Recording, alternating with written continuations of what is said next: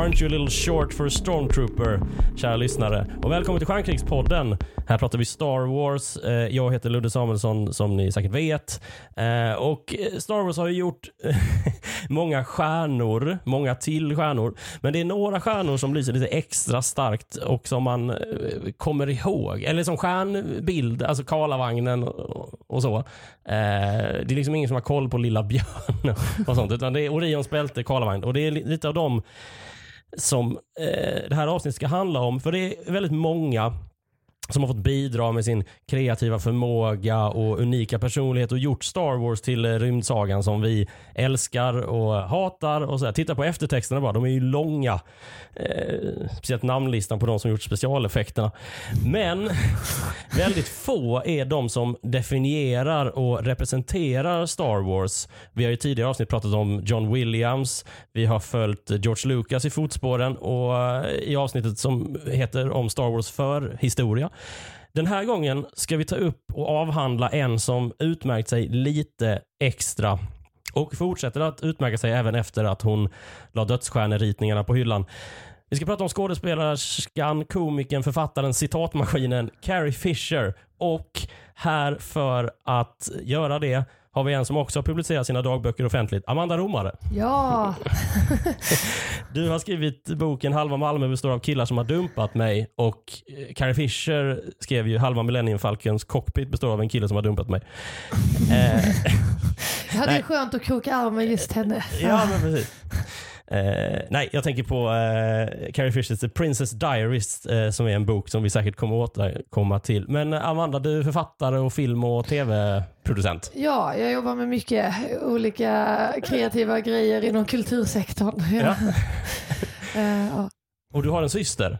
ja, det har hon är jag. här. Det har hon. och hon är Adina här. Romare. Ja, det direkt när jag fick förfrågan så kände jag jag kan inte göra det här utan Adina som är ett ännu större Star Wars-fans än mig. Just. Ja, och jag är ju Amandas syster och kollega. Så vi jobbar ihop också i det här film och tv-producent och du är också en karaktär i Halva Malmö består av killar som har dumpat mig. Ja, precis. Eh, det, det, det, jag är då Amandas syster. Även i boken. ja, precis. Du är liksom både fiktiv och Ja. eh, verklig på riktigt. Ja, det är kanon. på riktigt. Ja, även min, även min eh, riktiga pojkvän Filip finns som en pojkvän till Adina i boken och han heter också Filip. Det är slående. Ja, ja visst är det konstigt. Amanda kommer inte att säga att det är du som är Amanda. Det kan hända. Det är helt galet. Eh, en bok jag kan rekommendera. Ja, men Ska jag säga. roligt att Den var höra. Ja. Men eh, eh, utöver författarskap och eh, alltså att ni producerar film och tv, vad är det ni producerar? Vad är det ni gör? Vi driver ett produktionsbolag inom film och tv så att vi håller på att utveckla eh, just nu en, eh, en långfilm, en tv-serie och en podd. Två poddar. Två poddar. Eh, med vissa i samarbete med andra produktionsbolag eller beställare. Ja. Eh, så det känns jätteroligt. Och brett eh, olika genrer. Ja, det är så. Ja, Jag tänkte ja. att ni var så här konstnärliga, att ni aldrig ville prata om genrer. Men vilka genrer är det ni som ni... Ja men alltså det är ju, alltså, ja men den här halva Malmö, jag vet inte vad, vad ska man säga att det är, realism, komedi? Ja, att, att vi Det- det. håller, vi- för att liksom så här konkretisera, vi, vi håller på att eh, liksom adaptera halva Malmö.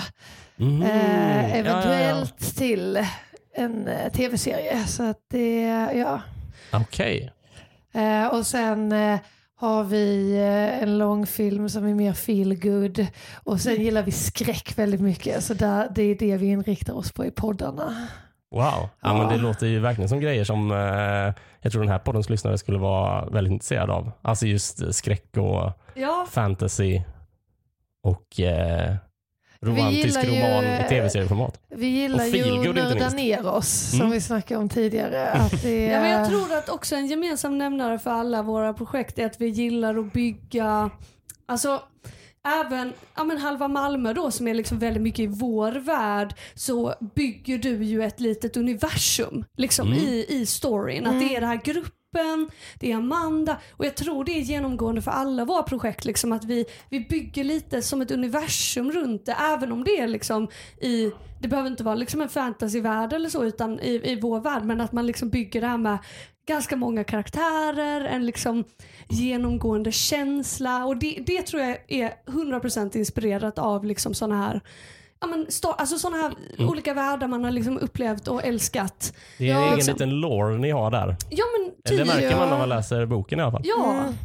Och så att typ, jag vet att vi ofta drar som eh, referenser när vi ska pitcha in våra projekt, alltså de här Cinematic Universe. Alltså, Mm, vi, vi, vi är inte så stora än att vi har lyckats bygga ut det jättemycket. Men det, men det är ändå liksom en att, alltså, liksom också typ som The Conjuring eh, universumet. Typ. Det, är- det, är- det, är väldigt, eh, det är väldigt spännande när man liksom låter olika karaktärer också få leva ut på olika sätt i olika Mm. historier. Lite som eh, Star Wars. Ja, det, det låter ju också. Mm. verkligen som att ni eh, är inspirerade, eller åtminstone klippt och skurna. Ja men visst. Ja men det, alltså, jag, jag, jag märker det. Alltså, det Malmös Avengers. ja, men det är liksom inte riktigt medvetet heller men jag, men jag ser ju hur vi gör det. Liksom, att vi Ja. bygger ut våra historier liksom, i, i små universum. ja. Och det får Ja, man ju komma ihåg nu när man glider in i Malmö att, eh, ja, att eh, just det med Avengers, att, att det, det, det får det. etableras tycker jag. Ja, ja men absolut. absolut. Sveriges Avengers. Ja, kul. Ni får eh, försöka se till att landa en riktigt fet budget för specialeffekter ja. bara. Inför Eh, halva Malmö, vad ska det vara för specialeffekter? Typ ett, hå- ett riktigt crazy Man har- hångel. Precis. Med så här jättelång tunga. Ja. Jag tänker på så här öppningen av um, alltså öppningen av Spider-Man 1 med Tobey Maguire. Ja, När det liksom så här, eh, förtexterna är så här eh, är en sån kameraflygning genom nät. Att det blir lite samma sak Ja, fast med tungan det. genom munnen. Ja. Det låter i och för sig som Gr- Groteskos vignett nu när jag tänker på det. Men det är liksom samma... Det där löser ju sig. Det där ja, löser ju sig. Det finns ju folk i Malmötrakten som har gjort specialeffekter. Kolla bara på eh, Mysteriet på GV ja och sådär. Ja, det är ju kanon. precis. Ja, det finns vadå, eh, hela många... spel, eh, Ja. Sveriges spelbusiness sitter väl i Malmö? Massive Entertainment har ju köpt upp ett helt kvarter som man eh, går förbi varje dag till kontoret. Precis, Malmös ILM. Det bara Ja. växer och växer. Men eh, då vet ju ni, i och med att ni är i film och tv-branschen, allt om eh, finansiering av kreativa projekt. Jag undrar alltså, känner ni till Patreon och Swish? Ja. Ja, Bra. Eh, men för säkerhets skull, om det är någon lyssnare som inte vet det, så är Patreon och Swish möjligheten för dig att stötta Stjärnkrigspodden eh, så att den kan fortsätta komma ut. Och då stöttar man per eh, avsnitt om man är eh, Patreon. Eh, det vill säga att man blir givare eh, med en valfri summa som man signar upp sig på patreon.com snedstreck med A. Eh, och där väljer du en helt valfri summa och så stöttar du den och så blir jag glad och så kan jag fortsätta träffa eh, intressanta människor. Om man är en mer eh, spontan givare så swishar man och då är numret 123 141 51 99. Alltså 123 141 51 99. Får man också välja en helt valfri summa. 5 kronor, 5 000. Det är... det gjorde vi. Tack. Ja, men, eller hur? Vilken valmöjlighet. Ja, ja, vi tackar. eh, Ja. Och tack ni som eh, gör det här, som är Patreons och som eh, swishar. Det betyder mycket. Då så, Adina och Amanda, ni är gäster i Stjärnkrigspodden för allra första gången och det betyder att eh, man måste gå igenom en sån liten rutinkoll. Ehm, Mycket och det är- spännande och ja, nervöst. Precis, Ja. det är, eh, det är bara tre frågor. Två som ni vet om och en som ni inte vet om. Oh, Eh, eller frågor och frågor. Men eh, kan ni berätta om ert första minne av Star Wars? Ja, ehm, Amanda och jag satt och snackade om det här för att jag, det, för mig är det väldigt, väldigt eh, tydligt. För att jag kollade på eh, episod 3, jag var typ 12 och kollade med min kusin på episod 3. Det var min, alltså min första film, Star Wars-film då, så att jag kom ju Mm. in där eh, till, till, de, till de filmerna. Så att jag är ju definitivt en av de som har liksom goa känslor kring 1, 2, 3. Mm. Eh, så det, det känns ju som det är lite eh, känsligt. Eh, men det gjorde jag och jag såg trean och jag tyckte Anakin var det, det sexigaste jag sett i hela mitt liv. Ehm, Så att det, det var en väldigt stark upplevelse. Och, Som nioåring eller vad det var. Tolvåring. Tolvåring. 12 och sitta där och bara, men, men det här är ju fantastiskt. Liksom. Eh, så det, det var mitt, eh, mitt, min första. Och sen eh, var jag ju såld. Liksom. Ja, precis. Och nu är Hayden tillbaka ju, Christiansen. I Obi-Wan Kenobi. Jag, jag, så, jag har inte sett Ja, Obi-Wan-serien. okej. Ja. Ja, spoiler alert. ja, ja, ja, ja, men det, då, nu blir jag sugen. ja, ja, men det är, jag kan rekommendera. Jag tror inte att jag är Ja, ensam Dina om och jag det. har haft en eh, stor debatt om Obi-Wan. Christensen? Nej, Eller om Obi-Wan. Obi-Wan. Ja, ja, eh, okej. liksom, att jag eh, tyckte ändå, jag, jag kom in i det. Och, Ja. eh, Mm. men, Ja, du, jag såg du, faktiskt första avsnittet. Men, jag, men du kände att det var lite barnvänligt? Ja, jag, jag, Ja, ja, jag är Mm. väl lite, jag tycker det är lite trist om det känns för liksom, eh, barninriktat och jag kanske fick den känslan lite. Men det var ett avsnitt, alltså jag, jag, Ja. jag, jag är Men då var det väldigt- också att vi pratade om det här, du vet, uh, jedin som inte är upphängd. Eh, Ja, exakt, ja han hängde i magen typ eller någonting. Ja, han är eh, precis. Ja, han är och inte då, hängd. det störde, det störde Ja. mig så otroligt mycket att han inte var hängd i halsen. Liksom. Ja, ja det, jag tänkte också på det. För Ja. att eh, jag tänkte på i trailern så är det bara den här klassiska bilden av någon som är hängd, att man bara ser fötterna och så ser man eh, folkmassan ner Ja. och tittar upp. Då tänkte man ju så här, shit det här blir ju en mörk Ja, Ja. eh, serie för att vara en Star Wars-serie. Och sen så har de bara typ, fan, ser ut som man ska åka fritt fall. Visst, visst. Och så, det, det var väl den känslan, eller förhoppningen jag hade. Inte liksom så här, ah, jag måste se en hängd man. Men typ att det skulle ändå våga vara lite mörkt. du kände Ja. att ribban sattes där Ja, lite, och då- att, det- att då- det var mjukare. Jag tappade liksom min motivation. Ja, ribban sattes lite för lågt. Eller han sattes lite för högt upp på ribban. Ja, precis. Eh, Eh, nej men det, det var mitt eh, första. Ja, och och, mitt första är alltså så här. Eh, jag har haft en lite speciell relation till Star Wars också för att våra killkusiner när vi var små byggde de här legomodellerna och annat och var väldigt insatta i det. Och jag vet inte om det var för man är uppe, Kul att någon är insatt i lego.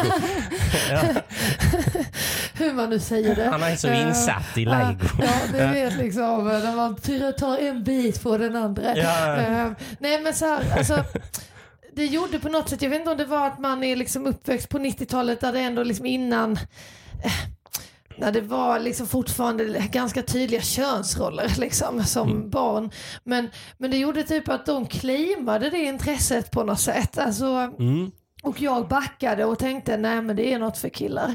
Ja. Eh, ja men konstigt liksom, jag hade önskat att jag var coolare men det, ehm, så det tog flera år innan jag liksom eh, såg lite på Star Wars men även då så kände jag liksom, alltså jag, jag, jag är väldigt intresserad av sport också och bajare så jag går på ganska mycket fotbollsmatcher. Eh, och även där kan jag ibland känna när man står i klacken att man som tjej hamnar lite i utkanten, att det nästan är killars intresse och att man hela tiden måste kämpa sig in för att ta sin plats. Mm. Och eh, lite den känslan hade jag också med Star Wars i början. Eh, och det, där är det säkert olika, men så, så var det för mig. På, Mm. Ja men det kan man ju Ja. känna igen. Alltså, Som kille så kan jag ju, och jag tror att vi är lika gamla, Ja. men eh, jag kan ju konstatera att jag har ju väldigt sällan känt mig, känt Star Wars som att det här är nog inte för mig. Ja, Utan det här är nog exakt Nej, för mig. Alltså, kommer från till och med på den här poddens eh, samtalsämne känns ju som en, alltså just Carrie Fisher, Ja. eh, Leia känns som en väldigt, alltså så här skulle jag ha beskrivit det som kanske mitt 12-åriga jag, känns som en väldigt killig tjej. ja. Alltså, alltså om, man bara, om man bara Precis, jämför henne ja, med jag kommer så, jag har sett Indiana Jones och Ja. så här, Temple of Doom. Så är liksom, eh, eller äh, ännu bättre kanske, de här, eh, så här Bond-brudarna. ja. Känns som så himla tjejiga tjejer. Medan Leia känns som en väldigt killig Ja, tjej. Alltså, ja. hon har ju... Den första Ja, cool hon, girlen eh, som ja. Ja, men precis. Hon precis. i Indiana Jones tycker jag också känns som en killtjej. Hon eh, Ja, som hon inled- heter väl Marion Ja, va? hon som i inledningen sitter och shottar med Ja någon man. exakt. Och så, Jag tänkte på hon i, i den andra filmen. Ja, ja. Hon som bara skriker hela tiden. ja, ja, ja. ja. För det, är, det är nästan så här, eh, det är typ parodiskt för att Ja. vara Mm. 83 eller när den eh, Ja. kom. Men jag har också hört att Luke, George Lucas eh, precis hade blivit dumpad när han jobbade med manuset till den filmen. Eh, så, alltså ingen ursäkt för att liksom så. Men, men eh, det, Eh, nej men Amanda, jag fattar verkligen den känslan. Alltså, Mm. jag, jag känner inte riktigt igen mig i det. Jag tror jag ändå kunde ta mig till det. Mm. Liksom. Men jag förstår den där för att alltså, även då de få kvinnorna som är med i Star Wars, alltså att Mm. man, jag, jag tog mig till dem väldigt Mm. mycket liksom, för att det var de enda man liksom mm. eh, det, det var ju de enda. Men, men jag, jag fattar verkligen den känslan. Liksom att man som, som brud ofta känner att liksom, ja, men det blir ett litet avstånd typ. Ja, jag kommer ihåg att jag också var så episod ett eh, på bio, men att det då, det, då, då levde det kvar lite. Alltså, det var en fin värld att komma in i, men jag kunde inte relatera till det jättemycket för jag hade inte sett eh, 4, 5, 6 eh, Just för den distansen. Så mitt intresse började nästan med episod 7 och för att vara född 89 Ja, ja, så ja. är det ju något som jag, ja, jag har inte träffat så många som har gått den Nej, vägen. nej, och, jag kan, och jag kan också tänka att många har fördomar när de hör detta. Men, men det var ändå på något sätt, tycker jag det var en kul väg in på något sätt. Att, eh, att det var med Ray Mm. som jag liksom verkligen kände att världen öppnades för mig. Och då eh, blev jag liksom inbiten och började se dem liksom så här se om det, de andra filmerna igen. Och Men också är- världen lite att man, man började undersöka den på ett annat sätt. Men Ja. är inte det så jäkla fint? Alltså typ att Ja, de har nej, kommit i tre omgångar och liksom fångat upp olika liksom, nya fans då med Mm. dig nu. Liksom att jag, jag kom där i mitten och liksom säkert de, Mm. de coola som gillade de första filmerna. jag hamnar ju men det, har, ju- definitivt det är också väldigt mycket fråga om, om eh, en generation. Ja. Att det är så här, ah, jag gillar de eh, här, Jo, jo, men du är ju gammal. Ja. Det är ju inte, för Men det är jag det- är till samma som fastnade för prequel-trilogin. Ja. Och jag just, eh, om vi pratar episod 7, sequelsen Mm. då. Eh, det är ju ganska många av, eh, jag minns att mottagandet för den var ganska varmt Mm. bland originalarna. Ja. För att, eh, just för att karaktärer och eh, och, och annat återkom. Liksom, temana från originaltrilogin. Sequel-trilogin liknar ju originaltrilogin mer. Visst, att det är liksom ja. Stormtroopers och Millennium Falcon och, och Han Solo och Luke är tillbaka. Liksom. Eh, och sådär. Ehm, så det är väl inte alls konstigt. Det känns ju som att eh, vi alla på något sätt bara är barn av eh, vår tid. Ja. För det är Ja. ingen, alltså Disney har ju inte satsat smalt på sin Star Wars-satsning. Nej. Nej, nej. Eh, liksom, det ser man ju inte minst i, ehm, i just Obi-Wan Kenobi som börjar med såna här uh, flashbacks till prequel-trilogin och sånt. Det har ju Star Wars typ aldrig jobbat med tidigare. Men just för att fånga in så många som möjligt. Ja. Liksom. Det är Precis. imponerande. Liksom. Imponerande och lite läskigt hur, Mm. hur det kommer utvecklas framöver. Men, men, det är, nej, men jag tycker det är jätteroligt. Det är att, liksom, att man har kommit in på olika sätt och blivit berörd av Mm. eh, också olika delar. Det var ju väldigt konstigt att bli hooked i sjuan och sen gå tillbaka och se fyran till sexan. Ja. Alltså det, det ehm, Vad tycker du om det i efterhand? Liksom? Alltså står sig sjuan fortfarande högst i Ja men jämförelse? det tror jag. Jag tycker liksom eh, de, de senare, 8 9 kände jag liksom eh, eh, det går ju tyvärr inte uppåt utan Mm. lite neråt. Ehm, men jag kan ändå känna att sjuan var ändå det som blev där som verkligen liksom, där jag blev helt omtumlad av att ta del av det. Så det, det kommer jag alltid ha kvar så därför kommer det kanske vara starkast. Mm. Eh, däremot kan jag, alltså originalfilmerna är ju häftigast kanske. Samtidigt som jag ibland kan känna typ att, alltså, de är också lite eh, löjligare. I alla fall fyran. Ja, men så här, Ja. Jag hade ganska höga förväntningar då och så går Luke runt liksom och är lite, ja, Men alltså Luke är ju så jävla gnällig. ja Alltså han är ju riktigt, alltså han är, nej men alltså jag älskar honom men liksom han är ju jävligt känslig. Mm. Alltså han är Ja, liksom ja, oh ja. no. I'm never gonna get out of here. Ja, ja men alltså han är ju I was going liksom, to the power touch och because I need power converters. Han är verkligen en sån uh, teen.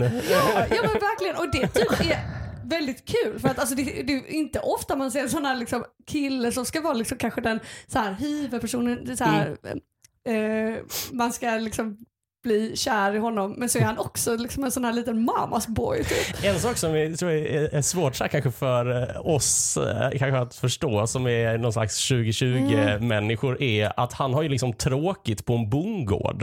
och det ja. känns typ omöjligt för oss att det är så himla, eller det känns som att eh, i vår tid så känns det som att folk längtar så mycket tillbaks till landet och vara så här Ja. självförsörjande och, och det är liksom gulliga grisar som delas på Instagram och sånt. Ja. Medan han är liksom så här, det, är, det här är ju pisstråkigt. Ja. Jag vill ju, Du har rätt, man dömer honom lite hårt också. ja, nej, jag tror var- bara att eh, jag dömer och dömer. Men jag, jag, Nej, men jag tänker på det att jag, liksom, jag ja. fattar liksom, men du- fan du bor ju där och det är Javas och eh, grejer. Du har Fattar du hur kompisar coolt och är? du har det här lilla modellskeppet du leker Ja. med. Och, du Men- bor ju för fan i rymden.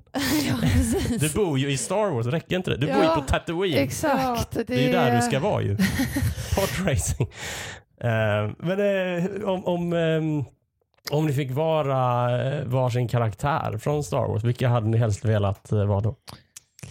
Ja, jag har ju funderat mycket på detta. Eh, man ville liksom, ja, eh, alla karaktärer är man ju, alltså man hade ju tagit vem som helst om man fick hoppa in i det universumet. Ja, till och med Eh, till och Luke. med, ja, eller till och med Jabba. Ja men då, han har väl det ganska gött eller? Alltså, Men jag tänker att Ja. det är kanske inte så nice att leva i hans kropp. Men eh, Fast bara ligga där och chilla och Ja. käka och slava med folk. klistra. Ehm, men eh, men jag, jag fastnade lite för, men så kunde jag inte komma på namnet precis innan vi körde igång med hon som meckar mycket. Eh, Ja, I så- Mandalorian. Ja, precis. Ja, Ja. ja, heter inte hon eh, Piff eller något sånt? Ja, eh, Nej, jag, jag kommer inte ihåg vad hon heter. Men alltså eh, hon som... Eh, jag känner igen mig mycket i hon hennes... lagar ju eh, Mandalorians skepp och eh, Ja, och att hon vaktar eh, Baby Yoda åt honom. Ja, och att hon Mm. både är, vad ska man säga, omtänksam på sitt sätt Mm. men ändå eh, liksom en eremit som håller sig till sina robotar och skepp. Det, Mm. det känns som att jag, jag kunde känna igen mig i det. Och att hon även är rolig. Ja. Ja.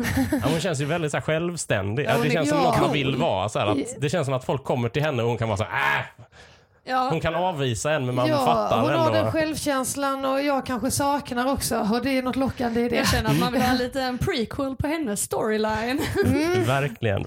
Piff Original Story. Alltså, jag kommer inte ihåg vad hon heter. Men eh, det är Inte något. heller, ja. Ja. Vem hade du velat vara Eh, Dina? Ja men alltså kanske skittråkigt men alltså jag är ju i mitt liv extremt rädd för döden så då tänker jag att jag hade valt Yoda för att han lever så jävla länge och typ även när allt går åt helvete så sticker han till sitt lilla ställe i skogen. Alltså jag vet inte, jag typ, hans, hela hans livsstil hade nog passat mig och det liksom var lite själv.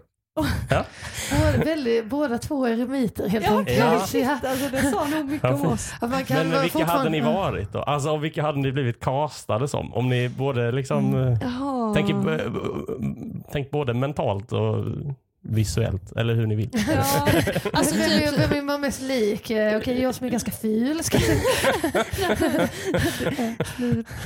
alltså, Nu har man ju suttit här och hatat på Luke men jag känner ju ändå jag har ju ganska mycket Luke i mig. Typ. Jag hade säkert stått där och klagat och Just det, gnällt. sparkat liksom. lite sand med Ja, fot. liksom, ja, nej men eh, alltså, kanske Luke då.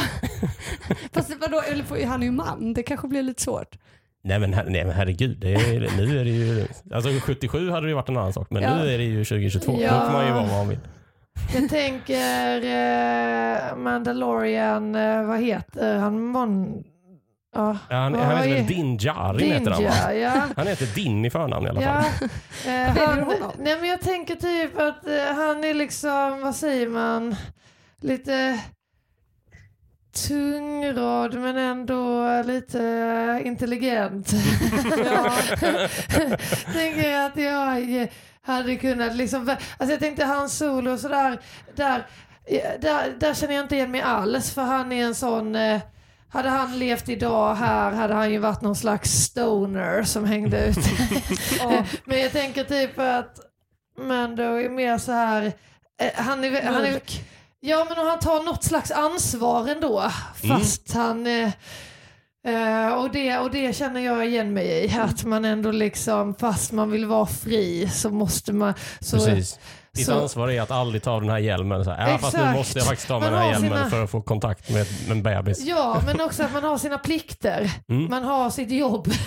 Ja. Eh, Men så, är det ju lite med hon, det. vad, vad heter hon i Rogue One? Eh, det, det vet vi ju. Hon, hon har ju också lite den viben. Liksom att hon, hon har sina... Felicity Jones spelar henne. Ja. Vad fan heter hon då? Ja, men typ hon har Jag är så sina... dålig på det. Sin, alltså hon, sin, eh, hon måste liksom Gin göra det. Erso, Gin Erso heter hon. Ja. Gin Erso. Hon känner jag också lite eh, att jag hade kunnat Mm. Ja. vara. Jag, alltså faktiskt, jag gillar den, eh, hela Mm. hennes storyline Jag gillar- jättemycket. Kanonfilm ju. Ja visst. Fan, jag gillar inte den alls. Men där, det är det jag känner att där vågar de hålla det mörkt. Ja. Alltså det är ju jävligt sorgligt liksom och jag, det gillar jag. Ja. Och För mig var den lång. Den var som Man of Steel som är min värsta upplevelse på bio någonsin. Jag har inte sett den men det lät så himla roligt. Nej den suger Eh, faktiskt. Sista rutinfrågan. Det här är väldigt kort för den här frågan eh, svarar ni bara på men ni får inte motivera. Ja. Eh, det vore kul om ni kan bara svara i kör eftersom ni är Ja, två. Ja. Eh, Jar Jar Binks, för eller emot? För. För. Okej.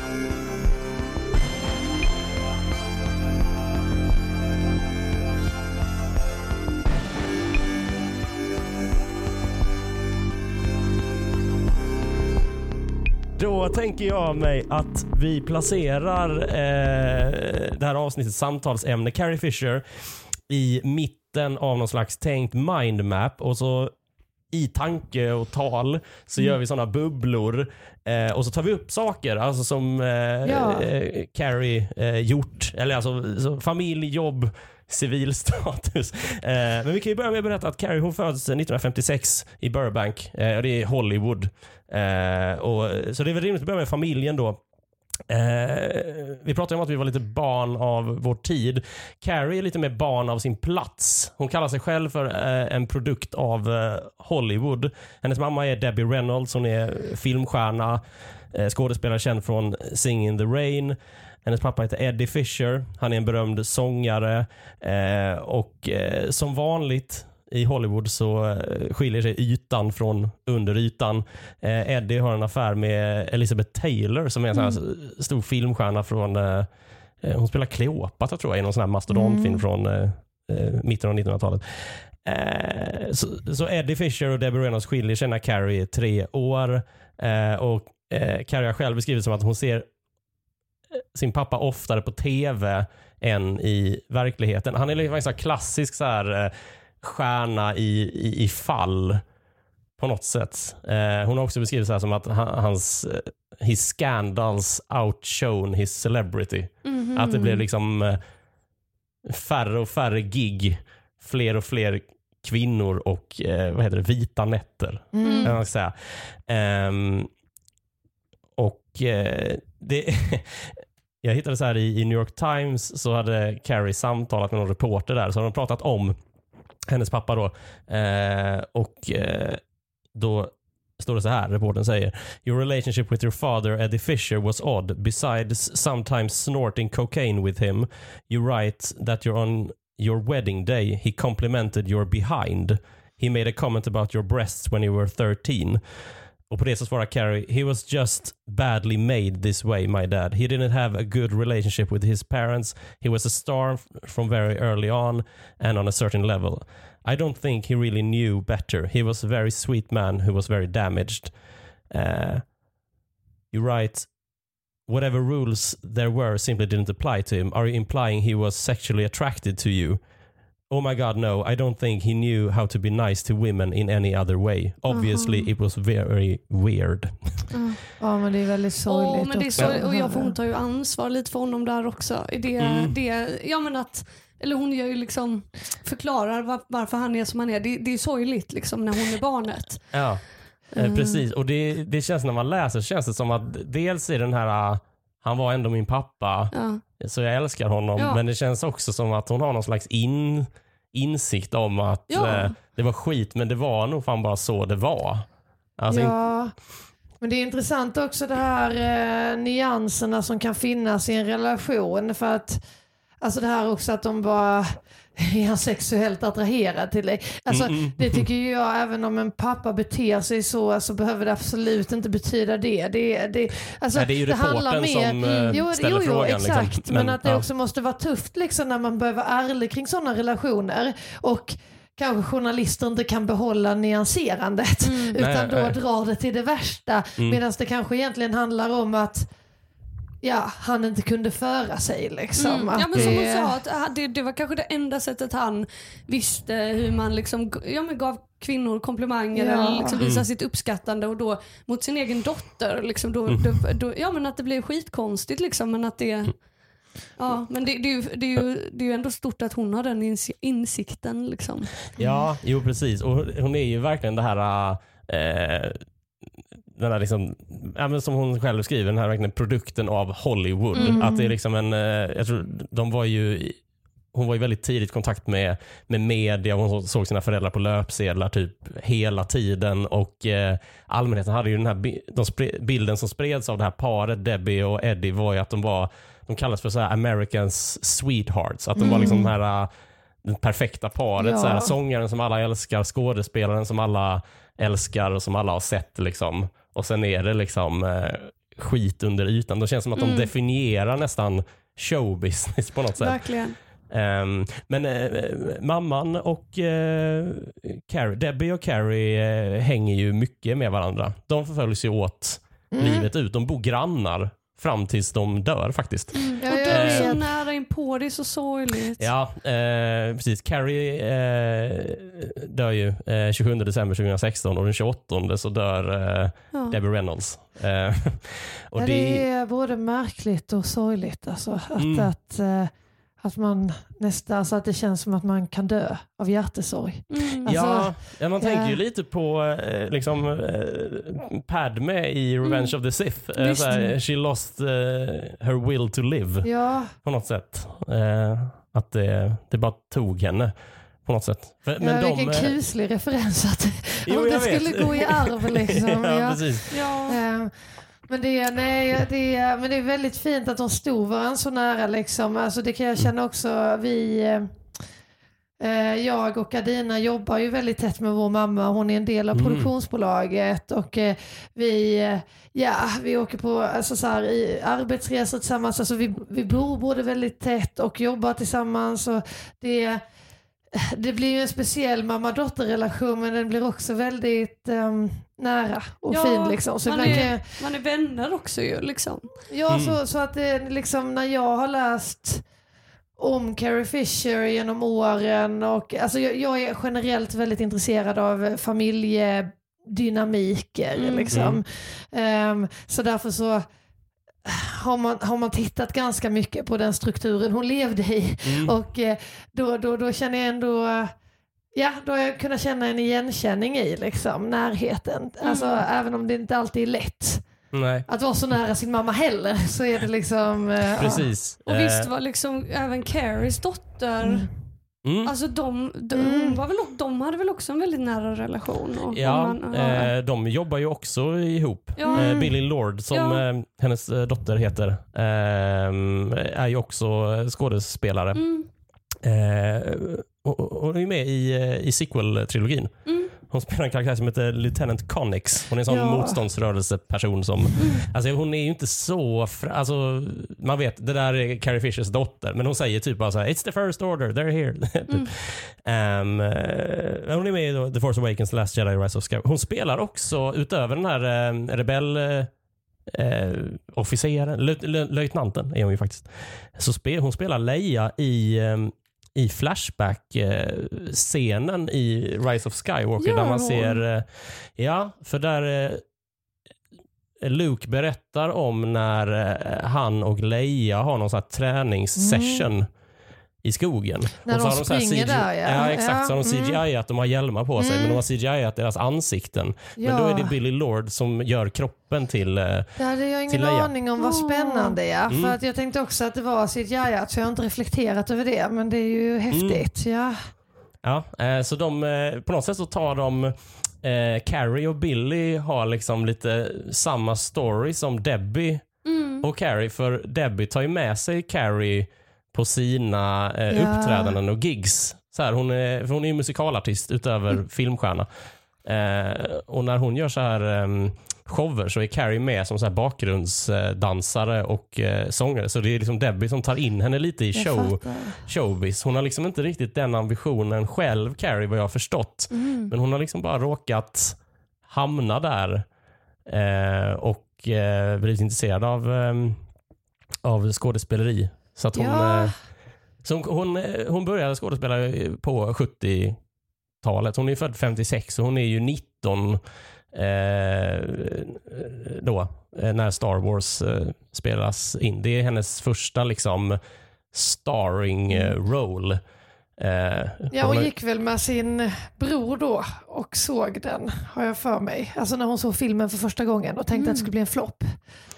eh, det är mer än vad jag vet, men det stämmer säkert. Jo, ja, men jag tror det. Att, Alltså eh, efter de hade ni får, filmat. eh, det ni får finns ta den här källan försiktigt men Ja. eh, jag bara för mig typ att hon eh, förväntar sig liksom att det här kommer bli någon ljummen sci-fi som inte ändå kommer nå ut eller slå. Mm. Så hon gick lite och skämdes lite när hon gick dit och satte sig typ ganska långt bak. Med typ någon för, jag, jag tror det var en, ja eh, och sen så, eh, har- hon har en bror eller? Ja. Eh, Ja, Todd precis. heter han. Ja, men då gick hon med någon tror jag och så satte hon sig längst bak och så bara liksom eh, exploderade bion och sen bara efter det så Ja, blev hon Leia för resten av sitt liv typ. Ja. Det är kul för jag såg så här, ehm, eh, hon är ju komiker också Mm. ju. Så att eh, hon är ju säkert van vid att liksom vrida och spetsa till sanningen och Mm. modifiera den för komisk effekt liksom. För jag såg hon så här, hon roastar ju George Lucas på en sån här American Film Institutes Achievement Award, det är någon sån här stor Ja. gala liksom. Eh, och då säger hon liksom i, i ett av sina skämt att, eh, jag får ofta frågan, hur, hur många Eh, did did you know that Star Wars was going to be this kind of a hit? Eh, och då säger han, we all knew, everyone knew except George. But we kept it from him because we wanted to see how his face looked when it changed expression. Ah, ja. Men hon är ju en skämtskrivare Ja, ja. så, eh, Ja. så vi vet inte. Eh, Nej, när man får gräva lite i det. Men, Mm. det, ja.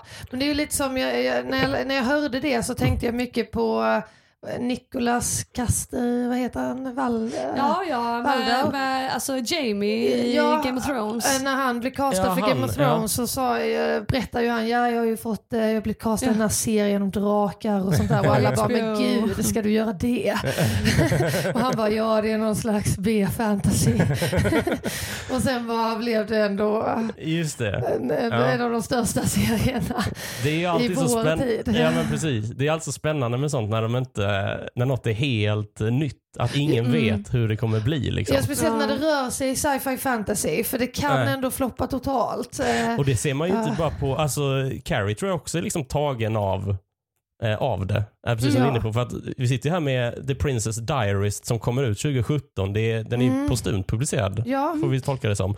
Och den är, alltså, bara omslaget är ju det är ju hon och den heter, det är, ja. Mm. Carrie återkommer ofta till att hon blev liksom aldrig av med prinsessan Leia. Alltså, hon är det hela sitt liv. Det liksom går inte att separera henne från Leia. För något man kan säga om Carrie Fisher är att hon är ju väldigt produktiv i Mm. liksom det, det dolda på något sätt.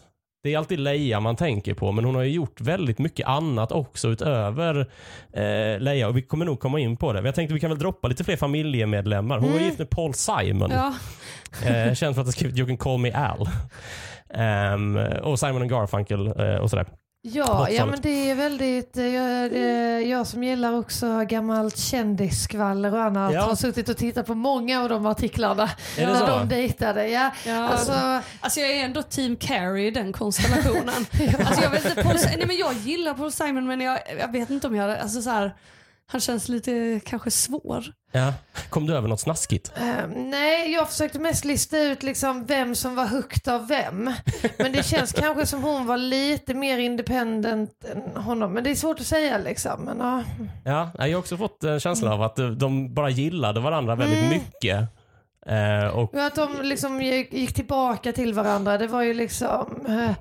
Eh, eh, men, det, men det är liksom ett, det är ett kul par kan jag känna. Ja. Att, eh, det känns så här, eh, bra att de skilde sig om det var bäst för dem, men synd att de gjorde det för det var en så himla kul Ja. grej att de ja, är ihop. Liksom. Ja.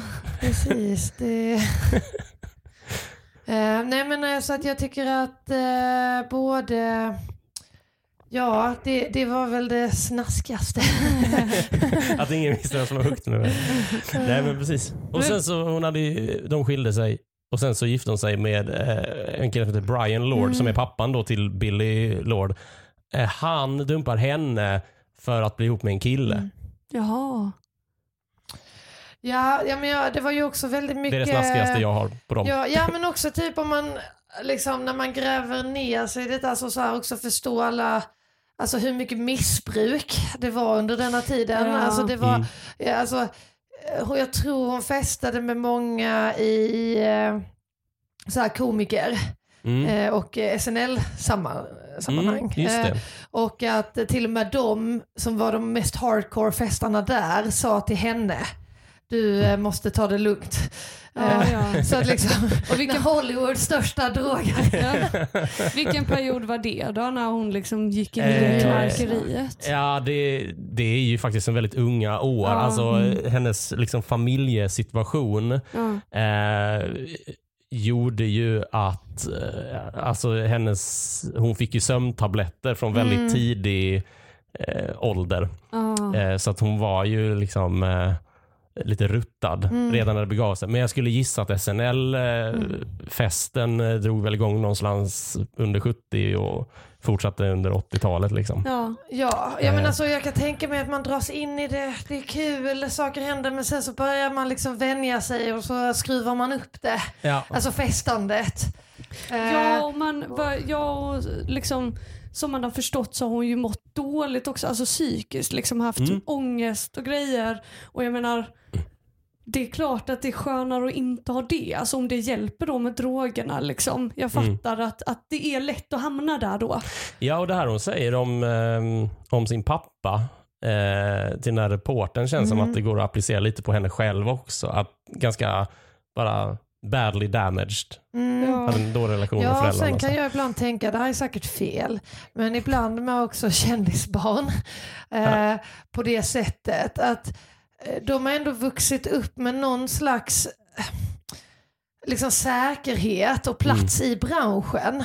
Mm. Vilket gör att man kanske inte heller måste hålla sig, eller så här, det blir lättare, alltså så här, kommer man in som helt ny så finns det kanske ett krav från en själv att hålla sig skärpt. Mm. på ett lite annat sätt för annars förlorar man allt och börjar på noll igen. Mm. Eh, Medan har man fötts in i det, Man har fallskärm lite. ja man har en liten fallskärm som Ja. kanske gör att man kan flippa lite mer. Eh, Mm. Ehm, Det, tror jag, det tror jag stämmer eh, helt. Alltså. Mm. Alltså, oavsett om det är medvetet eller nej, jag tror undermedvetet. inte det är så- medvetet. Nej, nej. Mm. precis. Eh, mycket av det här känner jag, jag såg, ehm, om vi liksom går in på lite mer så här, jobbgrejer, Mm. om vi kanske inte börjar med Star Wars, men med hennes eh, manusförfattande. Mm. Eh, och författande, för hon har skrivit väldigt mycket böcker. En av dem är Postcards from the Edge, eller Vykort från drömfabriken. Eh, som är en roman som sen får en, eh, en, en film gjord eh, efter sig. Eh, som handlar om en eh, skådespelare som har överdoserat och ska ta sig tillbaka in i filmbranschen. Som då kallas semi självbiografisk. Men jag såg filmen och den känns enormt självbiografisk och Mm. självupplevd. Eh, Mary Streep spelar eh, Susanne Hale som eh, Carries alter ego eh, heter. Och eh, i en av liksom, filmens slutscener så har hon just en sån här hård diskussion med sin mamma. Som, eh, och mamman i filmen är såklart också en berömd musikalstjärna och filmstjärna. Och då har den här diskussionen eh, som handlar om då, men du har ju, du har ju fått allt. Liksom. Du har ju allt, du bor ju här. Eh, du har en mamma som är filmstjärna, du har allting för dig och så ska du ändå liksom overdosa. Ja. Eh, så det, det, det, det känns mycket som att det där handlar ju om, om Carrie. Eh, Ja. eller det fattar man ju att det gör. Men, men, men eh, det... Ja, men det kan, det, måste vara supertufft också att ha Mm. det. Liksom, att känna, gud jag, jag är inte berättigad att känna så här kanske för att det- utifrån ser det ut som att jag har allt jag, man Mm. någonsin hade kunnat önska sig. Så att liksom, varför ska jag må dåligt? Och så, och så uppenbarligen mår hon asdåligt. Alltså det måste vara så tufft att gå igenom det och liksom kanske skämmas också. Liksom. Ja, precis. Alltså, det är någonting där med att vara uppväxt i facit. Mm. På något sätt. Det här är ju allt. Du behöver inte göra någonting. Faktum är att om du gör någonting, det är då det blir problem. Men eh, så verkar ju människor vara överlag och kanske Carrie i synnerhet. Att eh, hon är ju liksom inte den som rättar in sig i ledet på Nej. något sätt. Eh, Och det, det tror jag har att göra med att hon är liksom så eh, hon är så självutlämnande och självpublicerad. Det känns som att hon har någon slags inre behov av att berätta hur det är bakom liksom de här, eh, så här gated community grindarna i Hollywood. Liksom. För Jag vet inte om ni har sett Postcards from the Edge? Nej. Eh, jag kan jag rekommendera sugen, den. ja. Alltså. Det, för den är, den är Jag har Eh. läst om den mycket men inte, Ja. fakt- alltså, inte sett den än. Men när kom den ut? den, det är det som är så intressant. Den kom ut 90 Jaha. och den känns så eh, modern. För det, den skulle mycket väl kunna vara producerad och skriven efter metoo tänkte jag. Ja. För att det handlar väldigt mycket om, eh, många av scenerna utspelar sig bakom scenerna på filminspelningar som huvudkaraktären då är tillbaka i. och Hon får liksom inte de här, hon spelar liksom polis i någon film och eh, det finns en scen där eh, Alltså att hon inte får de här stora rollerna utan hon Mm. jobbar in sig genom lite mindre roller så jobbar hon sig tillbaka. Liksom. Men det finns en scen i alla fall där hon eh, råkar överhöra en regissör och en kostymör stå inne i en sån här eh, husvagn som man har på filminspelningar. Det vet ju ni bättre än jag såklart. Men, eh, och så hör de hur de pratar om hennes kropp. Att så här, ah, det är så synd att hon har fått så här eh, vad heter det, celluliter på benen och hennes bröst känns väldigt slappa nu. Och, och hon liksom, det är väldigt kul sen för hon gömmer sig inne i en sån här klädhängare. Ja. Eh, och det känns som att en sån, det är precis sådana situationer som, som liksom den här senare liksom, eh, metoo-vågen tog upp och synliggjorde för väldigt många som inte hade någon aning om att det gick till så. I Ja. branschen vet ju alla att det är så det går till, men det känns som att eh, att genom att vara så öppen och självutlämnande som Carrie är så får hon någon slags möjlighet att berätta saker om världen som vi som inte lever i den så mycket eh, får reda på. Mm. Eller vi hade inte fått reda på det om inte hon hade gjort det på något sätt. Modigt också. Ja, jag tänkte, Ja, enormt. jag tänkte precis säga det, att hon är ju modig och hon är intelligent. Mm. Eh, och det är ju eh, liksom, på ett sätt väldigt bra som du säger, för vi, då liksom öppnas en dörr in där hon vågar stå liksom och visa Ja. hur ett liv kan se ut. Och det är ju också tungt, det är ju inte lätt, det vet ju jag bara från halva Malmö, att det är ju Mm. inte Även om man har ett behov av att sk liksom skriva hur saker är och hur, hur man själv är, Mm. eh, så är det ju också, det tär ju mycket på en. Att Ja, man eh, lägger ju sitt lämna liv i sig. potten ju. Så, att, eh, så det är liksom, det är både det men också, ja alltså det är så modigt ehm, men också jobbigt Mm. Mm. att kanske reflektera så mycket som hon gjorde. För då blir man också det är ju lätt att man också, när man är fast i vissa strukturer, man kanske har missbruksproblem och så är man liksom en tänkare, så, så blir det ju extremt, eh, liksom, när man har perspektiv på hur man lever samtidigt, alltså det, det måste vara svårt Mm. att kunna se det utifrån. Alltså, och Ja. sen kunna Samtidigt som man är i det. Ja, ja, ja. och känna ett behov av liksom att berätta, att visa detta kanske förändrar sig Ja. samtidigt som det inte går. Nej men Det- precis. Och hon, eh, ja, nej, men jag fattar. Jag har Mm. stått och funderat på så här, för du har ju liksom eh, lämnat ut dig själv väldigt mycket i din roman. Eh, precis som Carrie har gjort under hela sitt liv, men kanske extra mycket i den här sista postumt publicerade boken. Eh, Ja, det är extremt fint att snacka om henne och mig i samma... ja, jo precis. Men eh, du, lever ju fortfarande. Ja. Så du måste ju ändå stå och ta det. Alltså Carrie är ju ganska lätt att... Ja. Ja, samtidigt är jag ju betydligt ung, yngre. Ja, Man jo. vet ju inte om jag kommer ligga i en Prozac-ur när vi är 60. Ja, nej, det, Det- det, det, det tror jag inte. Men det är någon skillnad på, det är ju, väldigt, det är ju lite lättare så här att eh, eh, det måste ju vara tuffare att leva och ta emot det Ja, än att inte leva. Och, för då, ja, ja har du upplevt det så då? Alltså, har du känt att det har varit tu- tufft och att eh, liksom boka Amanda och du står så nära liksom? Alltså det var ju jag- själv stod jag ju vid typ ett vägval precis innan boken publicerades eller gick i tryck. Mm. Eh, då förläggaren bara och jag diskuterade, ska huvudkaraktären heta Amanda som jag också Mm. gör eller inte? Eh, vill jag distansera mig eller inte? Eh, för det är ju en roman, det är liksom vissa delar är fiktion men Ja, ja. det är ändå byggd på självupplevda. Just det. Command ersätt. Ja, eh, precis. Det var, jag tror namnet stod nio gånger eller något så det var väldigt lätt att ersätta. Ja, Ja, Ja, det är eh, jag-form va? eh, ja. Ja, Men sen så var, till, jag har läst den. Det Jo, var bara länge sedan. men det, till slut så landade jag någonstans i att det var fint också att kunna stå för de Mm. erfarenheter man har kring ångest och dating och Mm. eh, så. Ehm, så då valde jag att ha det kvar. Ehm, och jag skulle säga att det på ett sätt har det inte varit så svårt för det, det har gjort att man har kunnat connecta med väldigt många. Det kan jag tänka mig att Carrie också, Mm. att i sin ångest ändå känna att man gör någonting bra, att prata om det och att folk känner igen sig och också förmedlar det. Att du fick Mm. mig att känna mig bättre. Alltså, när jag läste om Carrie för några år sedan och hon berättade här att hon höll folk gisslan vid middagsbjudningar där hon bara i timmar rantade om sin ångest. Det, för mig var det så skönt att höra för att Ja. man bara, okej det finns någon som kanske till och med är lite värre än jag Ja. och det känns jättehärligt. Så hon, Precis. hon har ju brutit ny mark på det sättet med ångest. Alltså så mycket också att hon var så tidig ut och pratade om Dessutom det. tror jag att, alltså nu säger vi ju det nästan som att hon är unik i det men det tror jag inte. Jag tror det är många som, som har så och, och som du har skrivit också att vi är jättemånga som delar de känslorna Ja. men det är väldigt få som vågar säga det.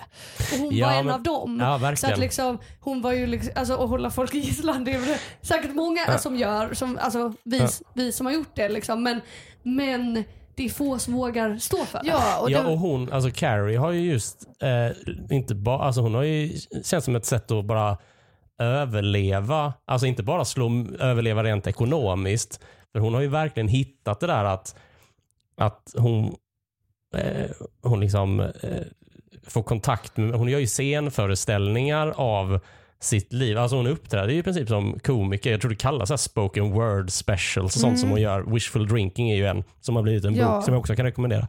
Eh, men hon, eh, hon hittar ju verkligen det där att men det här går ju att slå mynt av för det här talar ju till någonting som är större än jag eller berör fler än, än bara mig. Och jag tycker att det finns, alltså eh, jag tänker på att mycket av Carries eh, egenhet eh, är att hon liksom alltid är, är själv publicerande, att hon har skrivit själv så länge. För eh, under inspelningen av eh, Star Wars så skriver hon ju dagbok och det är de dagböckerna som, eh, eh, som utgör då The Princess eh, Diarist. Eh, och det, det, den här att hon liksom alltid skriver, liksom färdigställer liksom pusslet om Carrie Fisher och det som liksom singlar ut henne från ja, men de andra i Star Wars-casten. För ser man så här eh, intervjuer med Harrison Ford eller Mark Hamill eh, eller bara tittar man på vad de gör så gör de ju bara grejer som George Lucas eller Steven Spielberg säger åt dem att göra. Mm. Liksom. Det känns som att de inte alls har egna eh, det är klart de har egna tankar men inte alls på samma nivå som, som Carrie.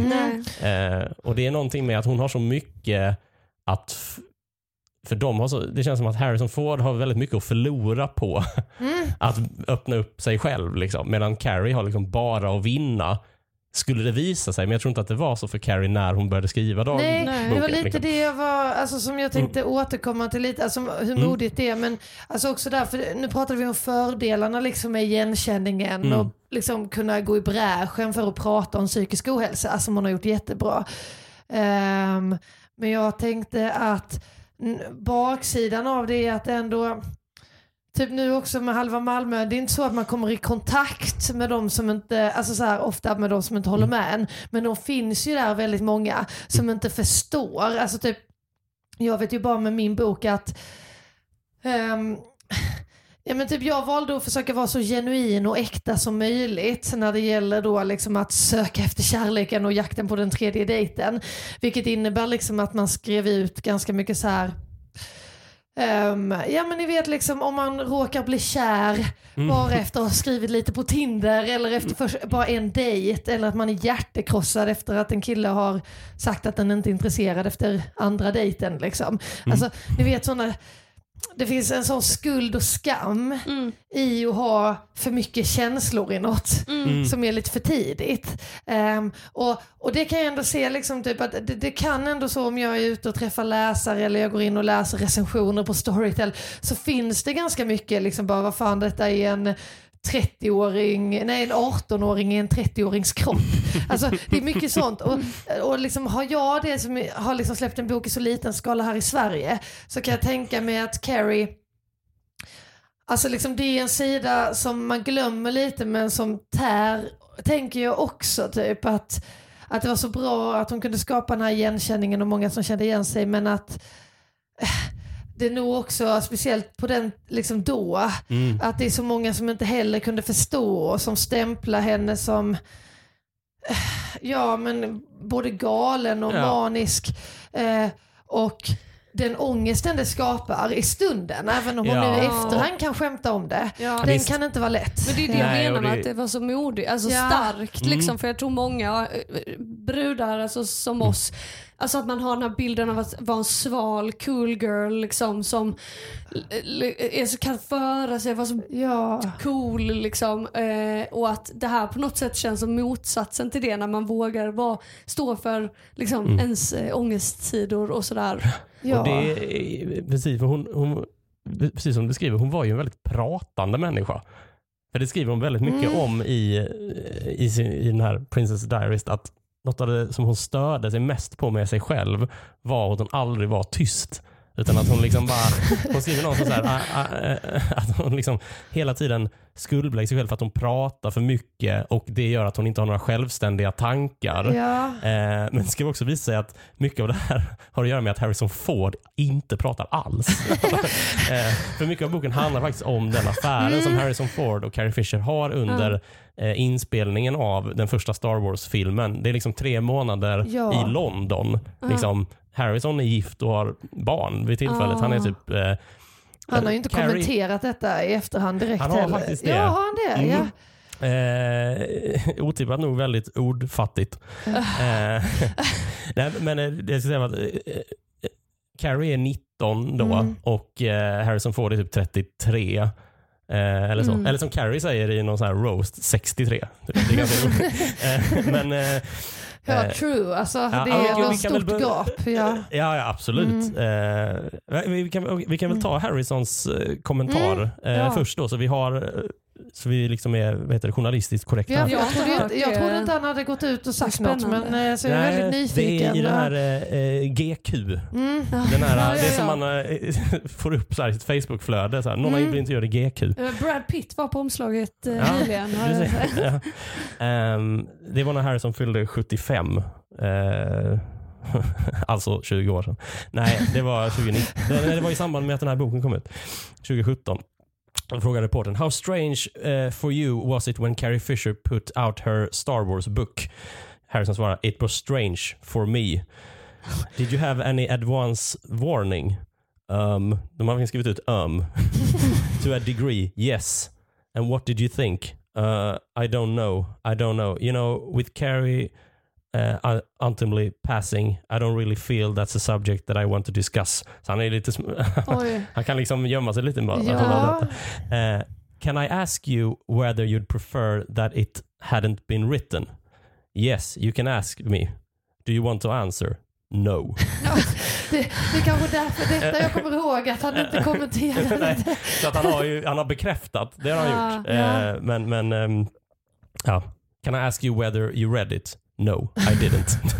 Eh, så att, eh, Sure, det är klart han ändå har gått in och läst det. jo, men, eh, det känns ju lite så. Men alltså gud jag känner igen mig i det där att hon känner att hon snackar så mycket. ja, Alltså det, jag tror inte, man- jag- alltså jag, jag har aldrig varit på en fest eller en tillställning Nej. utan att komma hem och känna vad fan snackar jag om? Ja, och man Fast är det- liksom... Det eh, jag känner igen mig också i att man ofta, alltså först känner man sig jättedålig och bara, Mm. fa, gud vad jag liksom bara rantade. mm, Eh, men sen inser man kanske ändå 70% av gångerna att det var just att det var den andra Ja. som var lite konstig Mm. eller tyst. Så alltså Precis. det kan jag verkligen känna igen mig i, att man, hur man tar ansvar för konversationen. Visst? Och den första tanken man har om sig själv är ju oftast negativ. Ja. Ja. Eh, men om man bara vänder på den, att så här, kan det vara så att det kanske inte är jag, det kanske är Harrison Ford som är jävligt märklig. Ja, Eh, Alltså det där ska jag ha som mantra i huvudet varje gång. Det kanske inte är jag, det kanske är Harrison Ford. det borde vi alla ha. Ja, men för hon, det är så intressant att läsa det här för det är liksom en 19-årings dagboksanteckningar. Det, det är verkligen så här, det är liksom gymnasieålder Mm. eh, så när som i alla fall. Och det är, jag tycker det visar prov på, det säger så mycket om henne. Hon skriver liksom en dikt. Eh, det är både Mm. liksom dagboksinlägg och sen är det dikter. En är What's the riddle? Me talking so much and saying so little. Mm. Och det, det känns... Man kommer så Åh, jag nära hennes unga jag på något Ja. sätt. Och jag, jag, har, jag ska läsa en lite längre eh, dikt sen, eh, tänkte jag. Men jag tänkte ta det mot eh, slutet. Jag, kan- jag kan ju berätta lite om hur Carrison-affären Ja, berätta. Började. Det, det började med en födelsedagsfest, en överraskningsfest för George Lucas. Han fyllde år under inspelningen. Så hade teamet fixat då. Och det, när man läser om det så inser man att Carrie är ju inte bara den enda tjejen i filmen. Hon är också typ den enda tjejen under filminspelningen. Eh, så de är på en fest där och det är några så här killar i teamet som försöker supa henne under bordet. Hon dricker ingenting redan då för att hon vet om hur hon blir. Men, eh, så, men de ser till att hon får dricka ändå. Hon blir ganska full och eh, det som händer är att eh, Harrison kommer dit och upptäcker att de här killarna håller på med henne och så ska han typ rädda henne och tar henne så här, vet du vad, vi, vi ska gå. De sätter sig i en bil och sen nästa grej som Carrie minns är att hon och Harrison precis har hånglat. Så att han är liksom den här killen som typ ska rädda henne och jag vet inte hur det går till. Fresh. Eh, jag vet- inte hur det går till om han är liksom så här eh, har det som avsikt, jag räddar henne så kan jag få henne. Eller om han bara upptäcker, ah, här sitter vi i baksätet på en taxi. Ja, alltså säkert har han inte haft så här onda, alltså han har Nej. säkert sett det och bara gud Mm. det här ser ju hemskt ut, jag, jag rycker in. Mm. Men liksom Men det det är, är en- riktigt svinigt att utnyttja den situationen sen. Även om Ja. hon, man, även så här, eh, jag kan tänka mig också att hon, om hon är full, bara också Mm. kan liksom ragga på honom om de sitter där i taxin, who knows. Men i vilket fall, Ja, ja, om ja. han liksom ser att hon sitter helt packad. Ja men det är riktigt rovdjur. och han är 14 år äldre, eller? Ja, alltså Ja. det är ju... Ja, ja men Visst. alltså även då har det räddat Mm. henne från typ ett, an, ett gäng killar för att ha henne på egen hand. Alltså det, det är riktigt Ja. sunkigt. Och, eh, Efter det så, um, Ja, berätta det är mer. så, så, det så började i alla fall. Men efter det så inleder de någon slags eh, relation. Att de, de träffas liksom efter jobbet på, eh, på helgerna. Eh, liksom, och så har de den affären under tre eh, månader. Eh, och eh, under den tiden så känns det som att Carrie liksom börjar eh, bli extra mycket självreflekterande. Jag vet inte om hela den här affären öppnar upp hennes liksom, eh, ja, men, karriär efter Star Wars-filmerna som liksom den här självutlämnande författaren och komikern. För här skriver hon väldigt, väldigt mycket. Eh, och eh, ja, men Hon skriver liksom saker som eh, eh, att hon skriver ju roligt och väldigt så här, citatmässigt. Så här. En anteckning är bara så här, never love, only obsession. Mm. Mm. Att de är liksom inte kära vad det verkar, utan hon är liksom bara besatt. De är liksom besatta av varandra, men eftersom hon är den enda som liksom beskriver hur hon känner och hon känner sig som den här ständigt babblande Mm. personen, så för, hon blir ju liksom i underläge just eftersom hon är yngre, hon Mm. är kvinna och liksom Harrison har ändå varit med i ja, men American Graffiti. Han är liksom ändå... Ja men och det här maktspelet igen, om man Ja. är liksom den mer tillbakadragna och, och eh, som Harrison Ford Ja. då, och sen så försöker man liksom skapa en slags brygga till det.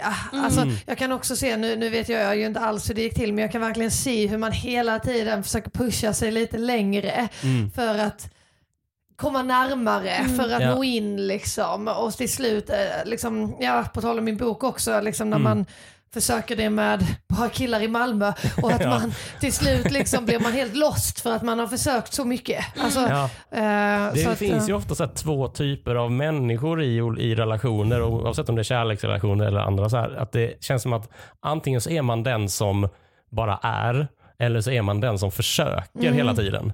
Mm. Eh, eh, och, och, det, och den som försöker känns som ofta som den liksom mer självkritiska Mm. Eh, på något sätt. Eh, Carrie skriver eh, I wish you could love me more so I could love you less. Mm. Mm. Åh, Eh, Ja, det är, men det är härligt med alla hennes citat. Alltså, Ja. det är, Jo men det är ju Ja. det. Och det allt det här är det är liksom så spot on. mm. Ja, och, och det, visst att det är liksom en 19-årings dagboksanteckningar om en kille, men det är så himla liksom, roligt på ett sätt att föreställa sig att den killen är Harrison Ford. att han liksom, Ja, och sen brukar jag också snacka om det här med just, alltså så här, nästan allt som görs handlar ju i grund och botten om kärlek på ett eller annat sätt och Ja. kärlekssökande. ehm, eller hur man ska hantera kärlek. Ehm, men jag kan känna ibland liksom att man, vad säger man, banaliserar det lite. Typ att det är bara, alltså det, det är inte eh, liksom den här typen av problem är liksom inte livsnödvändigt, inte på liv och död. Men samtidigt är, kan det också vara de starkaste känslorna vi känner i livet. Mm. Och det är väldigt viktigt att komma ihåg också att ja, det är en 19-åring, hon dejtar en kille. Ehm, men det är också så att typ, de känslorna man får när man dejtar och så, Mm. är ju Starka. Ja men de är på något sätt det starkaste man har Ja. fast, det också, fast de inte är nödvändiga liksom som hunger eller sömn. nej, nej men precis. Eh, precis. och det Alltså kan- den, eh, ja. Pulsen går upp när man ser att någon skriver på Messenger Ja. de tre prickarna. Alltså den, Och man är så att den ut- känslan finns är ju helt bisarr Ja. Man är så utelämnad. Alltså, det, är ju, det är ju typ det mest blottande man gör och liksom Mm. öppna upp sig för att kanske en främling eller så här, någon man nyligen har lärt känna. Mm. Och liksom visa, inte bara sina inre tankar men också liksom hela sin kropp, sin nakenhet Mm. för en annan. Ja, ja. Alltså, Det är det jag menar, så att liksom även om det är tre månader, man kan tänka att det är lite, alltså nej det kan ju liksom, ja, vilken impact det gör Ja. på Ja. livet. Men vet man om det hade någon, eh, liksom färgade det filmerna på något sätt? Vi- vi- Alltså, fi- finns det något? Eh, jag har Är det inte... lite äkta, mer äkta? Inte vad jag har hört, men eh, jag vet inte. De har ju några liksom, eh, eller Carrie kommenterade i någon eh, i, i någon roast, eller liksom så här, eh, hon hyllar Harrison Ford på någon så här, också sån lifetime achievement award till Mm. Harrisons ära eller någonting. Ehm, där hon liksom säger, vi, vi var bättre på att bråka på film eh, än vad vi var på att vara Mm. kära. Och då, Mm. och sen, men det är mest som en påa till ett klipp från Empire Strikes Back när de eh, när, eh, när Han Solo undrar om eh, och, eh, säger att du vill, att du vill ha en avskedskyss av mig, väl? Mm. Eller så här. Men eh, ja, så att nej, jag vet inte hur, Mm. det, hur det påverkade inspelningen. För det är också intressant att, att, att det handlar så mycket om hennes privatliv, eller hon skriver så mycket om sitt privatliv. Och just de här jobbgrejerna eh, som hon nämner, det- känns, de är, det känns som att hon är så himla chill med sitt jobb. Alltså hon har sagt att hon var jättenervös inför audition och, och sådär. Men att nästan all hennes produktion efter Star Wars väldigt sällan handlar om själva Star Wars, utan det handlar mer om att vara Carrie Fisher i, i den världen. Mm. Men hon skriver en rätt kul grej om själva mm. eh, inspelningen. För i manuset inför eh, audition så eh, i, det, i det utkastet så finns det en scen där tanken är att Leia ska bli fängslad och hängd upp och ner i en grotta. Eh, som är så här eh, fylld med vatten och sen ska Chewbacca på något sätt, de ska rädda henne och så ska Chewbacca bära ut henne därifrån. Men så visar det sig att killen som spelar Chewbacca, Peter Mayhew, har, dels har han någon slags condition som gör att han inte kan böja sig ner i, i grottor, eller ja, i, i låga rum överlag. Men, och sen att han inte kan bära henne. Så den scenen ströks antingen av det skälet eller av budgetskäl. Men jag tyckte det var så kul att läsa just eh, att det var en scen med den här grottan, för den scenen används ju sen i Empire Strikes Back, fast det är Luke som blir upphängd upp och ner i en snögrotta Mm. Ja. eh, av det här snömonstret. Så det är kul att det Just liksom är en arktisk version eh, som man liksom får lite inblick eh, eh, i. ja. Men annars så eh, verkar hon vara liksom väldigt chill med insatt. Hon får en, jag såg en Mm. gammal intervju också. Med Carrie 77 får hon eh, frågan av en reporter vad som var notabelt nog det läskigaste under inspelningen eftersom hon är tjej. Eh, och då svarar hon när, när hon och Mark Hamill som spelar Luke ska svinga sig över den här avgrunden Mm. på dödsstjärnan. Eh, och då var det tydligen så att det är ett fall på typ 10 meter. Och eh, då, alltså, det här kan ju säga något om budgeten för Star Wars, men de hade så här pappkartonger som liksom madrass Nej, att falla fan. ner på. Eh, och det som var lite anmärkningsvärt var att de liksom hängde upp Carrie och Mark i den för att testa om repet höll först. Så då What? skulle de liksom bara hänga där en stund eh, för att bara kolla om repet eh, så att inte repet skulle brista sen när de skulle göra själva... Ja, för, Svinget. så att om det brast då Ja, så var det här, mycket vi, bättre. Vi, väger inte Mark och Carrie och hänger upp någonting som väger lika mycket som dem, utan vi hänger upp dem för att kolla. Ja. Och så har vi pappkartonger Alltså, det är ju under. helt sjukt. Någonstans när man jobbar med film och tv är det också lite kul med tanke på hur säkerheten är idag. Mm. Eh, när man inte får göra någonting. Eh, men det är ju läskigt som tusan. Ja. Ännu mer notabelt är att den här programledaren som ställer frågan om det läskigaste är att hon tar upp att Carrie säger så här, "Eh, eh, ja, men personligen så tyckte jag att du Carrie var väldigt rolig i filmen. Jag tyckte det var jättekul när du säger “Can someone get this walking carpet out of my way?” Mm. Eh, och det är väldigt, jag tyckte det var, det säger någonting om, ja, vi pratade om liksom att Leia känns som en väldigt killig tjej. Och jag tror dels har det väl att göra med att hon är liksom lite rebellledare och hon liksom tar vapnen från Luke och liksom sköter det själv. Mm. Men jag skulle också vilja säga att det har ju mycket att göra med att hon är så rolig. Mm. Hon har ofta de, väldigt, de roliga replikerna är ofta hennes. Liksom. Mm. Att hon liksom meta kommenterar liksom hela... Ja, att hon är den som beskriver det utifrån publikens. Ja men precis. mm. Ja, men att de kallar Chewbacca för en matta. Mm. Liksom. Ehm, Ja men och jag, alltså, nu, det här inbillar det kan ju vara George Lucas också men jag tänker att alltså den, för att hade man läst det här manuset som skådis liksom så kan man ju man kan ju leverera de här skämten på olika sätt. Mm. Alltså hon hade ju kunnat vara mer liksom hej men hon gör det så liksom vad ska man säga rakt på sak. Alltså hon, hon eh, Mm. levererade på ett sätt liksom som är är ironiskt och lite så här, ah, liksom. Och det tänker jag kommer från henne. Liksom. Mm. Ja, Eh, och det, det. det är en så himla kul tolkning tycker jag av Ja. när hon har läst det liksom, och levererar det på det viset och att hon inte gör det liksom som en lite så här Ja men hehe och bara gå Mm. vägen Ja, utan att hon är det här raka. Jag gillar Ja, verkligen den Ja, men för tolkningen. Lucas har ju sagt själv så att han ville göra en science fiction space fantasy som var rolig att titta på. Eh, I jämförelse med de här dystopiska Ja. filmerna som Mm. han har gjort och andra har gjort för honom. Och jag tror ju, visst man kanske ska tacka honom för det, men han hittade ju verkligen exakt rätt skådespelerska. Det här Ja, tror jag jag har sagt tidigare i den här podden, men det är liksom eh, Prinsessan Leia var ju bara en prinsessa på manuspappret. Sen kom Carrie Fisher. Mm. Ja, Liksom. Ja men det känns också- verkligen som att hon satte sin prägel i det här liksom in, Mm. att inte vara Ja, och vi ska sätt. vara väldigt tacksamma. Ja. Alltså, det är väldigt härligt att, vi, att det blev hon och Ja. att vi Ja, har fått gud, ta ja. del av det. Ja. Och det märks att hon är den som fortsatt är rolig. Att hon verkligen hittar någon slags komisk ådra och att hon gör grejer på liksom mer, lite mer uppstuds. Sådär. Alltså hon har sig själv som drivkraft. Men sen eh, alltså i motsats till Harrison Ford som ofta spelar samma gubbe hela tiden Mm.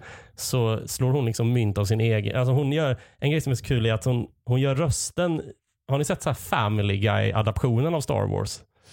Nej, jag har alltså, verkligen inte gjort det som att jag Eh, ogillar ja, men de- Family Guy Nej då, men de, eh, Family Guy bara gör Star Ja, Wars-filmerna ja. fast med familjen som Mm. huvudcasten. Ja, jo, ja. Eh, men i eh, Return of the Jedi-versionen som heter It's a Trap på Family Guy-språk så gör Carrie Fisher rösten till Mon Mothma som är en rebellledare som är den en, det tycker jag är så kul att Carrie Fisher kommer in och gör rösten till den enda andra kvinnliga karaktären.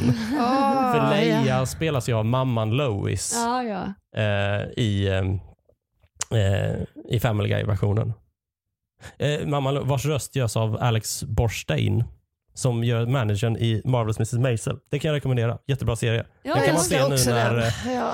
Är det hon? Mm, Jaha. den kan man skaffa, eh, se nu när alla har skaffat Amazon Prime för att se Ja, Maktens ja. ringar. Ja, den Jag försöker skitbra. övertala dig. Nej, Nej, jag kollar. Ja. Ja. Vi Men känner är ju inte varandra så alltså, bra. Nej, precis. Jag tror, eh, mycket av det jag tänkt om Carrie är att hon har så mycket upp på de andra liksom, ja, männen i det här fallet genom att hon är självpublicerande och att hon är rolig. För hon liksom kommer in och uppträder med riktiga skämt. Alltså, man kan se andra skådespelare hålla tal och tacktal och så här, men Carrie går in och gör liksom stand-up. När hon röstar, roastar George Lucas under den här Lifetime eh, Achievement Award-grejen så eh, liksom hon har liksom ett upp hon har, han hon har liksom talets gåva och han har inte det. Hon avslutar hela roasten med att säga I hope I slept with you to get the job. Eh, because if not, who the hell was that guy? och Det känns som att George Lucas skulle ju aldrig kunna säga något sånt. Alltså inte ens på skämt. Alltså, han kan liksom inte leverera på den eh, nivån. Men, Nej, det är eh, väldigt skönt att ha en sån, eh, alltså speciellt när det är så få kvinnor, att ändå Ja. vara en så pass stark och rolig kvinna. Även om, eh, ja, ja. det, det är också lite, ja, det präglar ju, eller vi brukar ha de här samtalen med vår, våra yngre bröder, det här att jag menar man accepterar också i olika världar, även om de var från förr, att ja men eh, det finns ändå en kvinna som representerar och sen hundra män. Mm. Och att vi även idag, jag kan bara känna typ att vi idag liksom hade, hade hälften av världens ledare varit kvinnor liksom, så hade liksom de flesta känt att det är nästan för mycket. Mm. och det, är så, det är så galet att det inte har gått snabbare på de här Ja, åren. ja, det är-. Det är ju lite så. Ja. Eh, men jag tänker, om vi knyter ihop Carrie-säcken. Jag skulle gärna vilja läsa en, en fiskdikt Mm. Ja. som publiceras i Princess eh, Diarist. En Eh, fiskdikt. Ja, eh, det är min eh, notering bara. Alltså just när man som liksom summerar henne både som en ung skrivande människa men också som en ung aspirerande humorist. För den här dikten den är nästan lite, heter det pekoral? När den är liksom lite över, Mm. sådär, den är lite, nästan lite löjlig. Ehm, men eh, ja, och å- återigen, visst det är dagboksanteckningar om en kille, men killen är Harrison Ford. There are plenty of fish in the sea and you sure look like a fish to me. As soft as a crayfish with a mouth that opens and closes. Like a fish you don't say pretty things and you don't send me no roses.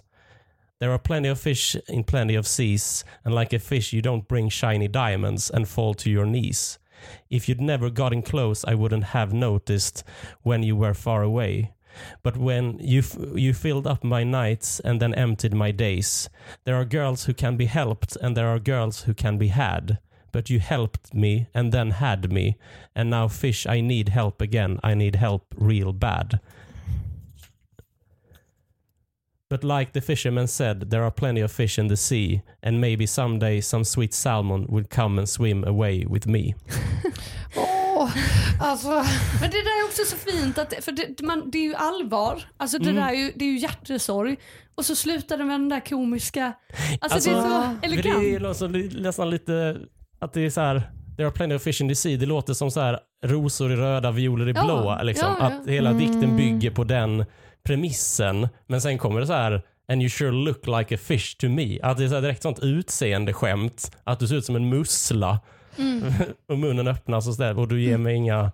Ja, Jag tycker det är... eh, Jag tycker det, det är coolt tycker jag när en person kan summera sig själv då Ja. och framöver Mm. så tidigt. Liksom. Ja, Det där var och med allvar och humor. Alltså, mm, det, det, den var väldigt talande ja.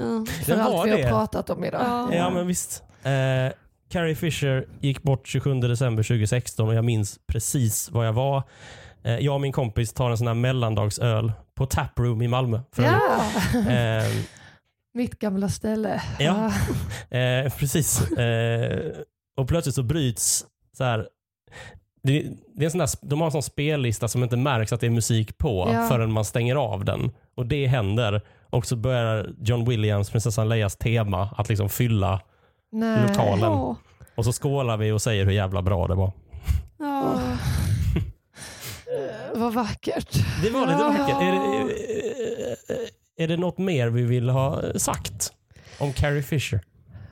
Nej, men Det finns väldigt mycket mer men jag Ja. tycker ändå vi har täckt in, vi har täckt in lite om Paul Simon, vi har täckt in lite om ångesten. Och återigen så tycker jag att det var väldigt, alltså jag som tycker att, som har blivit stärkt så många gånger av henne när jag själv har haft ångest och eh, då läst hennes texter och hennes citat. Eh, och också det att hon då liksom ville ha sin aska i en Prozac-urna. Alltså det komiska i det, men också det fullständiga med döden. Jo, den är liksom grön och vit typ som en tablett. Det är någonting väldigt, eh, både väldigt härligt och tröstande i det. När, Ja. när man, mm, ja, för en som är både rädd för ångest och eh, rädd för, eller som har mycket ångest och rädd för döden. Ja. Ja, men hon är så, eller var så väldigt inspirerande. Vad, vilket, vilket citat är det du har i boken Amanda? Take your broken heart and make it into Ja, art. det säger vi väldigt ofta faktiskt. det, det, det, det är extremt tröstande när någonting är sjukt jobbigt. Då, då, då, då, Då säger ju vi alltid Ja. till varandra det. Take your broken heart and make it into art. Ja. Ja, ja det, det summerar också en, en karriär och en Ja. eh, body of work. Och att det var säga. Harrison Ford som stod för den, Ja, verkligen. den känslan kanske. Ja, precis. Ja. Jag får väl också i sann journalistisk anda eh, hänvisa till avsnittet eh, eh, med Dilan Appak där vi snackar om Han Solo och kommer fram till att det går inte att avgöra var Han Solo slutar och Harrison Ford börjar och tvärtom. nej. Eh, men nu tror jag att det kanske får en annan ehm, eh, ja, man kanske kan lyssna på det på ett annat sätt nu. Adina och Amanda Romare, jättetack för att ni eh, ville vara med och tog er tid. Så Tack själv. otroligt härligt att få nörda ner sig lite Ja. och kliva in i den här världen. Ja, Ja. Jätteroligt. Man vill bara fortsätta snacka. Ja. ni som har lyssnat, tack så mycket för att ni har gjort det så här eh, långt. Det säger jag varje gång, det har ingenting med er att göra. Det, har, för mycket. det har oftast med mig att göra. Eh, Patreon.com snedstreck Stjärnkrigspodden är eh, adressen man knappar in i sin webbadressapparatur för att stötta podden. Swish, det gör man till 123 141 51 99. Jag heter Ludde Samuelsson. Tack för den här gången. Vi hörs nästa.